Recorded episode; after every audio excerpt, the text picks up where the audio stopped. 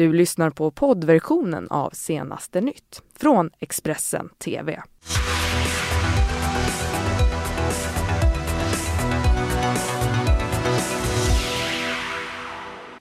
God morgon och eh, välkomna in här till senaste nytt denna måndag. Det kommer handla jättemycket om Oscarsgalan som ju var i natt naturligtvis. Jag heter Jenny Pierrot och det här är våra rubriker. Ja, Oscarsstatyett eh, gavs till den svenska kompositören men favorittippade Netflix-filmen Roma snuvades på det finaste priset. Och 13-åriga Maria tvingades tigga och socialtjänsten de agerade inte, det avslöjar Sveriges Radio. Detta trots alltså flera larm från allmänheten. Och tusentals utan ström nu när ny storm slår emot Sverige. Men vi börjar med Oscarsgalan. I natt så drog den ju igång en av, eh, eller eh, världens mest kända filmpris är det ju som delas ut på Dolby Theatre i Hollywood. Bland annat så prisades eh, artisten Lady Gaga för låten Shallow. Rami Malek vann Oscar för bästa manliga huvudroll efter insatsen i Bohemian Rhapsody som också blev galans stora vinnare med fyra Oscars. Och sen Olivia Colman tog hem priset för kvinnliga huvudroll. Netflix-filmen Roma tog sin tredje Oscar för kvällen när Alfonso Cuarón vann för bästa regi. Men de snuvades på det finaste priset av alla, alltså årets bästa film som gick till Green Book. Och med det så ska vi säga hej och god morgon härifrån i alla fall till Thomas Kvarnkullen, vår reporter på plats i LA. Välkommen till sändningen Thomas och berätta, vi fick ju ett svenskt pris också, eller hur? Ja, god morgon till er. Mycket rolig kväll såklart för Ludvig Göransson efter att då ha eh, tagit hem en Oscar för bästa originalmusik för eh, Black Panther. Han gick upp och höll ett eh, tacktal som sig bör. Han verkade ganska samlad måste jag säga eh, och höll det relativt eh, kortfattat. Han eh, tackade först och främst eh, Ryan Coogler, eh, filmens regissör som han känner sedan eh, de studerade tillsammans i USA för 12 år sedan. Han talade bland annat om hur han mindes att de båda satt i studentrummet eh, och att de nu då 12 år senare eh, tillsammans var här i Los Angeles för att eh, fira ett stort Eh, historiskt filmögonblick. Eh, han eh, fortsatte såklart också även att tacka sina närmaste, sin mamma, sin pappa, sin syster och även hustrun Eh, Serena, som han sa, jag älskar dig så mycket, sa han som en avslutning på sitt eh, tacktal. Så att en eh, mycket rolig kväll såklart eh, för Ludvig här i Hollywood. Ja, och eh, Thomas berätta vad mer, eh, vilka mer priser delades ut eller vilka eh, mer skrällde eller vad man ska säga här under galan i natt för oss som sov då.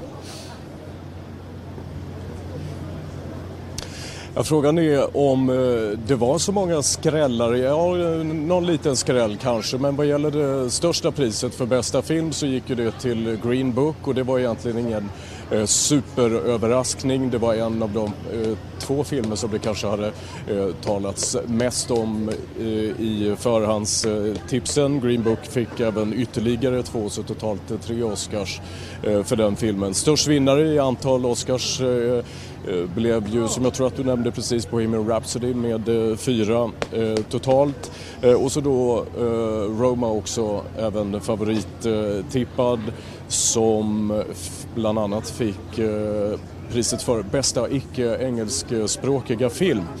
Men jag måste ändå säga att eh, det som kanske var lite en skräll då eh, det var eh, bästa skådespelerska eh, Olivia Colman, den brittiska eh, skådespelerskan som själv också verkade oerhört eh, förvånad över att hon faktiskt var den som vann Oscar i hård en Oscar i hård konkurrens mot eh, Lady Gaga eh, och eh, Glenn Close. Hon höll ett tacktal som kändes väldigt spontant och rakt från hjärtat och hon utbrast bland annat att “This is hilarious, I won an Oscar” och både grät och skrattade om vartannat. Så att det, det, var kanske förmodligen ett av de ögonblick som jag tror att eh, eh folk kommer att eh, bära med sig från eh, denna, den 91 Oscarsgalan här i Hollywood som avslutades för någon timme sedan ungefär. Tack så jättemycket Thomas för den eh, beskrivningen ifrån nattens eh, gala. Vi kommer att prata med dig mer här i våra sändningar under morgonen naturligtvis. Det var alltså den 91 upplagan utav Oscars, Oscarsgalan som gick av stapeln i natt. Historiskt så är ju både filmerna Titanic, Sagan om ringen och Ben några exempel på klassiker som slagit ett och annat eh, Oscarsrekord. Johanna Bond, min kollega, går tillbaka i Oscarsgalans historia och plockar fram några extra starka bedrifter. Den klassiska Oscarsstatyetten delades ut för första gången år 1929. Så sedan dess har det ju blivit tusentals nomineringar. Och därför finns det också en hel del spektakulära Oscarsrekord att prata om. Och en man som väl har haft en ganska stor del i de flestas barndom, Walt Disney, han har vunnit priset hela 22 gånger och varit nominerad inte mindre än 59 gånger. Och den skådespelare som nominerats allra flest gånger det är ingen mindre än den ABBA-sjungande Meryl Streep. Och även om hon inte vann just för Mamma Mia-filmerna så har hon 21 nomineringar på sitt CV. Hon slog sitt eget rekord senast förra året när hon var nominerad för filmen The Post. Och i tre av de här fallen så har hon fått gått hem med statyetten. Woody Allen, han har ett lite speciellt rekord i sammanhanget. För han är nämligen den enda som aldrig har kommit för att hämta sitt pris. Han har vunnit statyetten fyra gånger, men alltså aldrig dykt upp på galan för att ta emot priset. Men 2002, då gick han på galan, men då var han inte ens nominerad. Genom tiderna så har tre filmer tillsammans rekordet på flest vinster.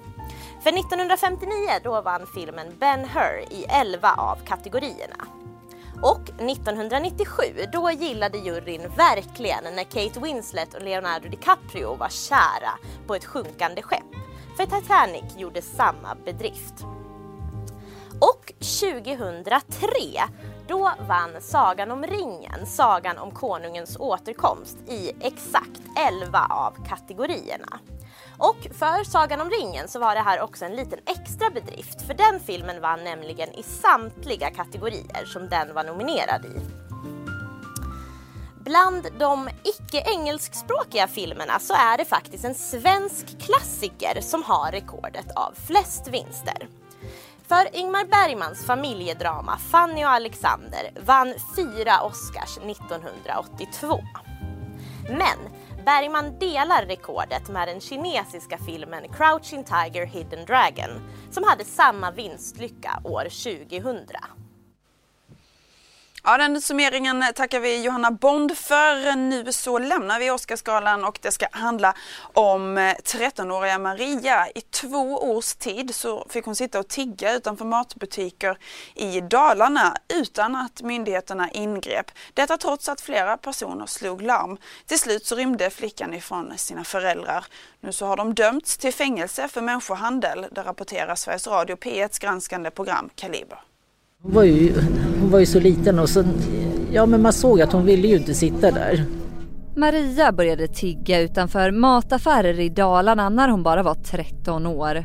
Till slut reagerade myndigheterna och föräldrarna dömdes till fängelse för människohandel. Det berättar Sveriges Radio P1s grävprogram Kaliber i sitt senaste reportage. Resan till Sverige, syftet med den var att flickan skulle tigga. Kalibers reporter Maria Ridderstedt berättar historien om Maria som kom med sina föräldrar från Bulgarien till Sverige 2016. Många vuxna reagerar på barnet som tigger och kontaktar både polisen och socialtjänsten som bara hänvisar till varann.